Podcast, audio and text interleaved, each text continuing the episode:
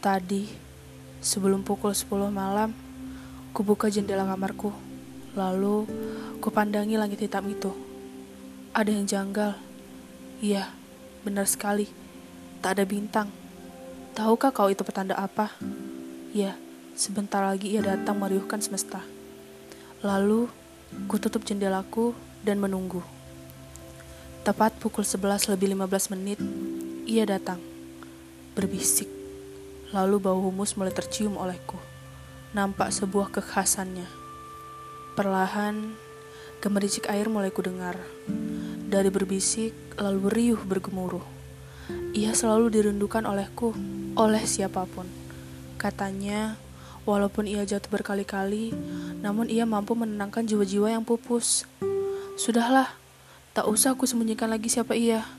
Ya, ialah hujan si penenang jiwa dengan gemuruhnya. Ya Tuhan, terima kasih atas nikmat yang kau berikan malam ini. Kau seolah mengerti bagaimana hati dilanda pundung. Kau seolah mengerti bahwasannya hati ini nelangsa tanpa arah.